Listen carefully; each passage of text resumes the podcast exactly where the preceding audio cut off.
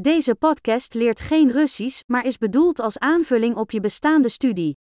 Een belangrijk onderdeel van het leren van talen is het blootstellen van je hersenen aan grote hoeveelheden taal, en dat is het simpele doel van deze podcast.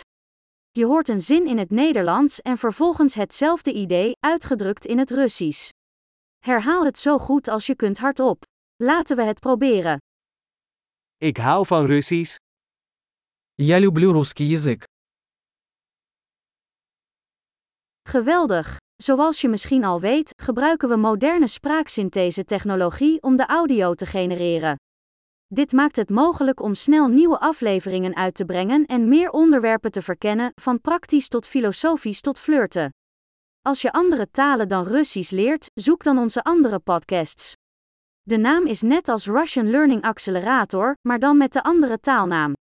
Veel plezier met het leren van talen.